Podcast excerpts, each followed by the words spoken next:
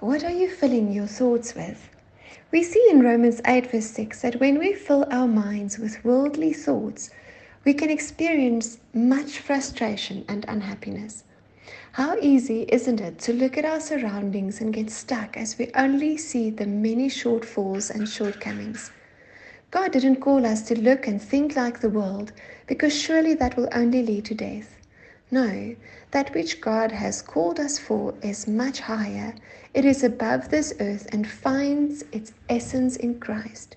He who is the Word and who made the Word alive and whom finally gives us life in fullness.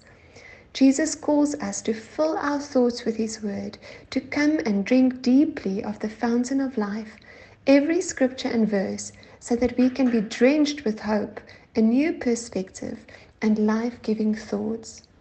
May you, as you drink afresh deeply from His Word, find that new roots of hope and faith are developing, which with God can assist you in overcoming all present challenges.